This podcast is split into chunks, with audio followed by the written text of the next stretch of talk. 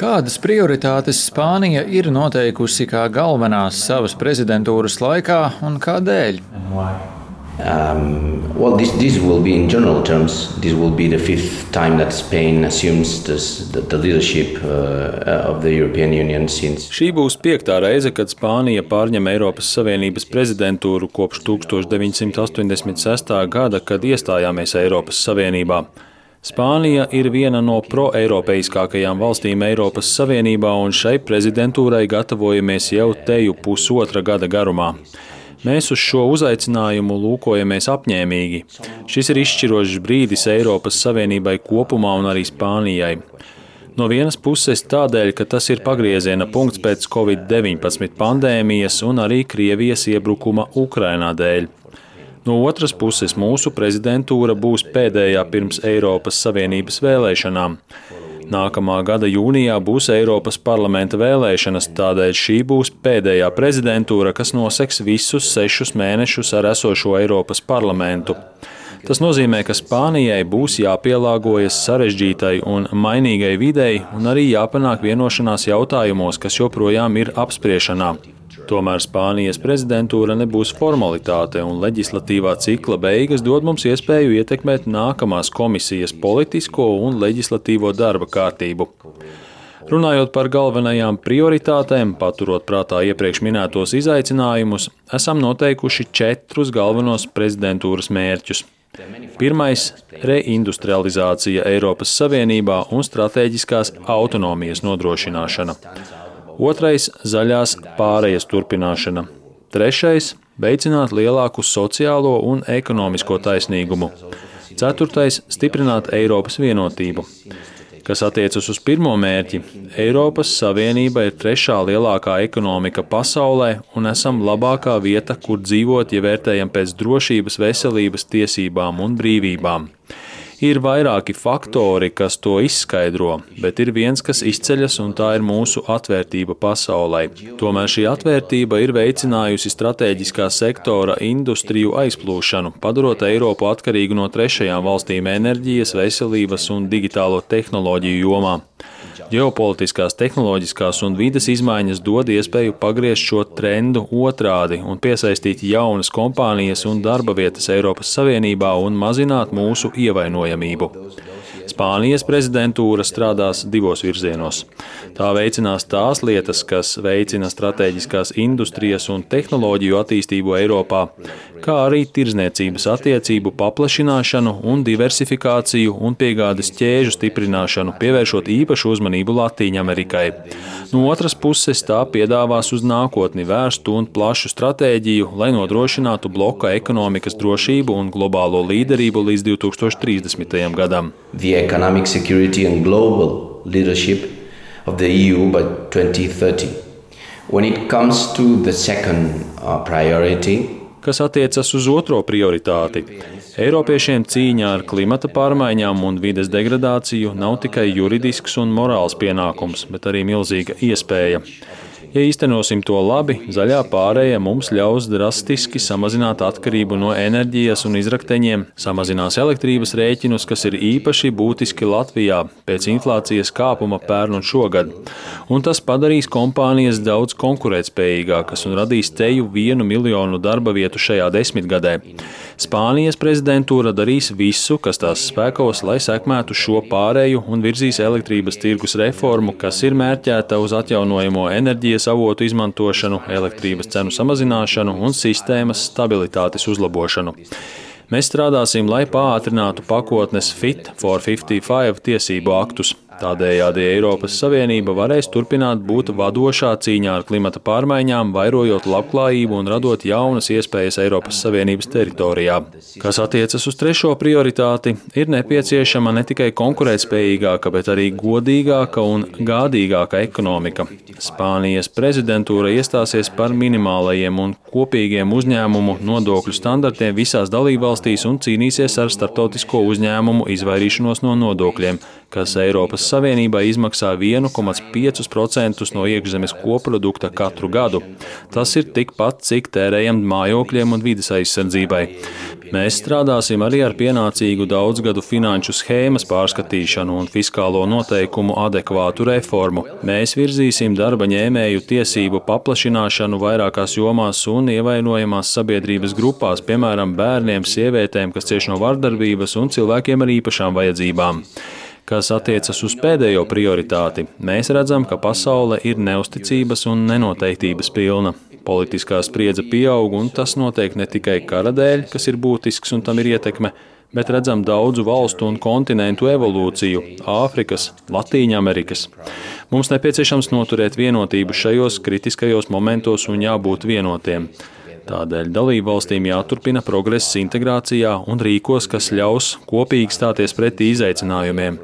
Spānijas prezidentūra iestāsies par lielāku iekšējā tirgus stiprināšanu, banku savienības pabeigšanu un kapitāla tirgus savienības pabeigšanu, kopīgu instrumentu, kā nākamās paudzes Eiropas Savienības fondu konsolidāciju un uzlabošanu, kā arī iestāsies par efektīvāku un koordinētāku migrācijas un patvēruma vadību, kā arī koordinētu atbalstu Ukrainai un citām kaimiņu valstīm.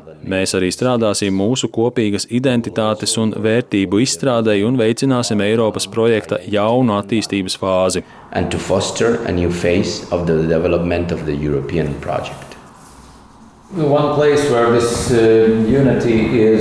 Tas jautājums, kur šī Eiropas Savienības vienotība ir grūti saskatāma, ir migrācijas jautājumi. Šis jautājums ir būtisks arī pašai Spānijai. Kā prezidentūra plāno risināt problēmas šajā jautājumā, un vai cerat atrisināt tās līdz prezidentūras beigām?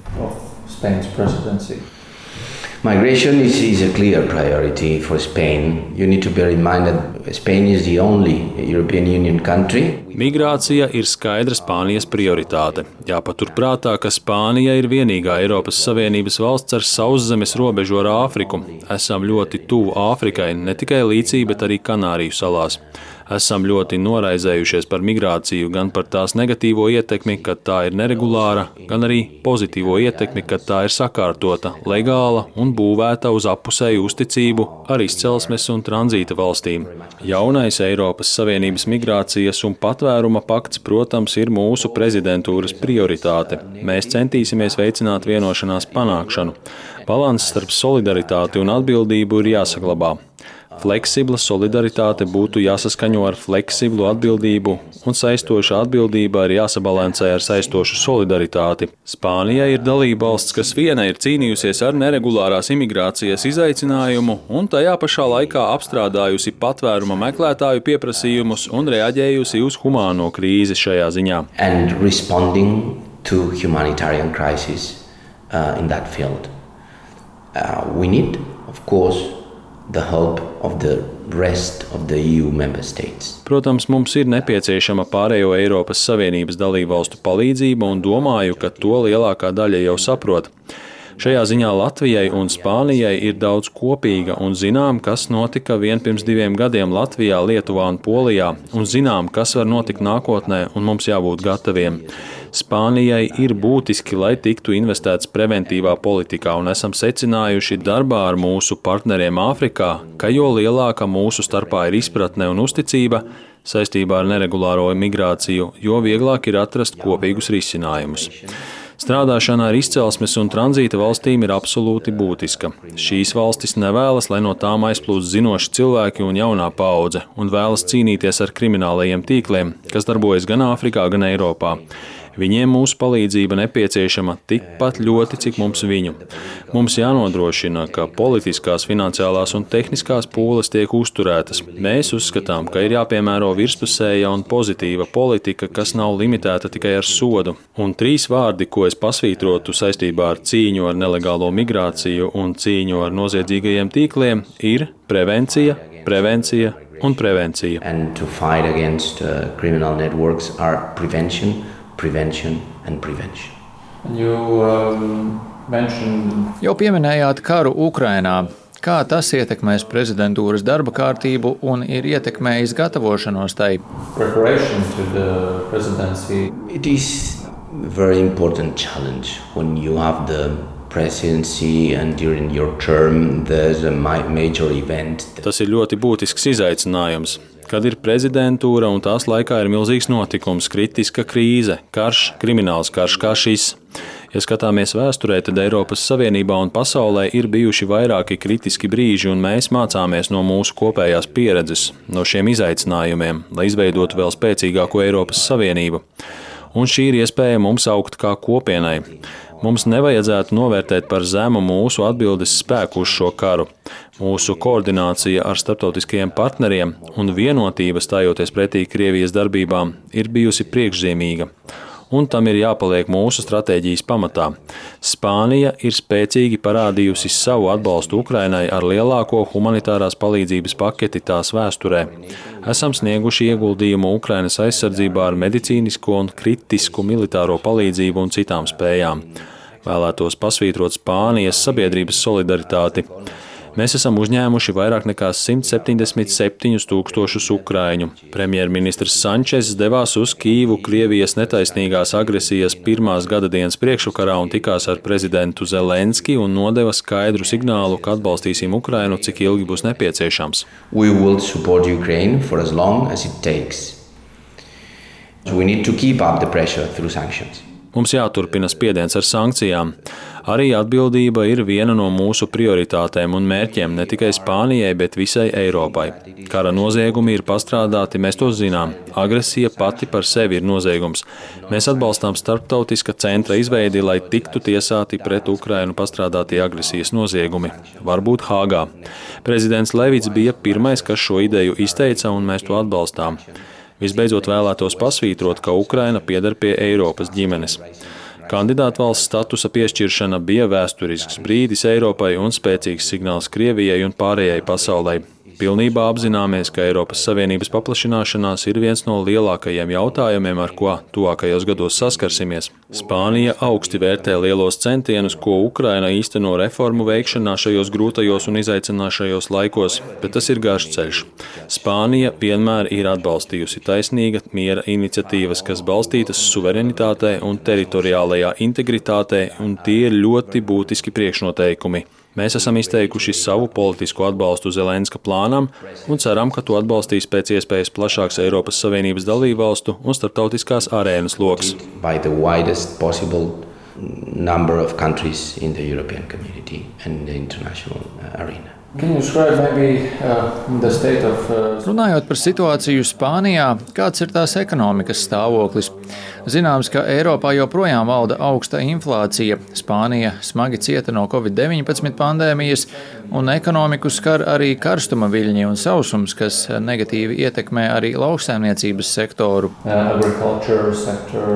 Well. So first, uh, analyzing the, the, the macro Uh, Pirmkārt, analizējot makroekonomiku, redzam, ka inflācija tiek kontrolēta un ir ap 3,2%, un šajos laikos tas ir panākums. Tas nozīmē, ka sliktākais krīzes brīdis nav atstājis lielu ietekmi uz ierindas pilsoņiem. Mūsu iekšzemes koprodukta izaugsme pērn un šogad ir pirmā vai otrā augstākā Eiropas Savienībā. Atgriešanās pirms pandēmijas līmenī mums prasīja divus gadus, bet tagad pamats ir spēcīgs un būvēsim stabilitāti, lai turpinātu šo izaugsmes ceļu un izvairītos no krīzēm. Ir viena būtiska problēma, kas ir bezdarbs, un pēdējām reformām darba tirgū jau ir bijusi liela ietekme un darba vietu skaits pieaug, bet pandēmija mūs smagi skāra un mums ir jāpieliek pūles, lai pilnībā atkoptos. Kas attiecas uz otru jūsu jautājuma daļu, Jā, protams, sausums un karstuma viļņi ir sistēmiska un struktūrāla problēma, kas pastiprinās. Spānija atrodas Eiropas Savienības dienvidos, tuvu Āfrikai. Ietekme, ko redzam gadu no gada, tiek kontrolēta. Mums vairāk jādomā par vidustermiņa un ilgtermiņa risinājumiem, nevis īstermiņa risinājumiem. Sistēma jau ir radusi cīnīties ar šiem karstuma viļņiem, un tas nav neierasti. Esam skarti arī iepriekšējos gados. Varbūt ne tik dramatiski kā tagad, bet mums ir nepieciešamās spējas, lai dienu no dienas cīnītos ar šo fenomenu. Uh, day uh, by day against this phenomenon.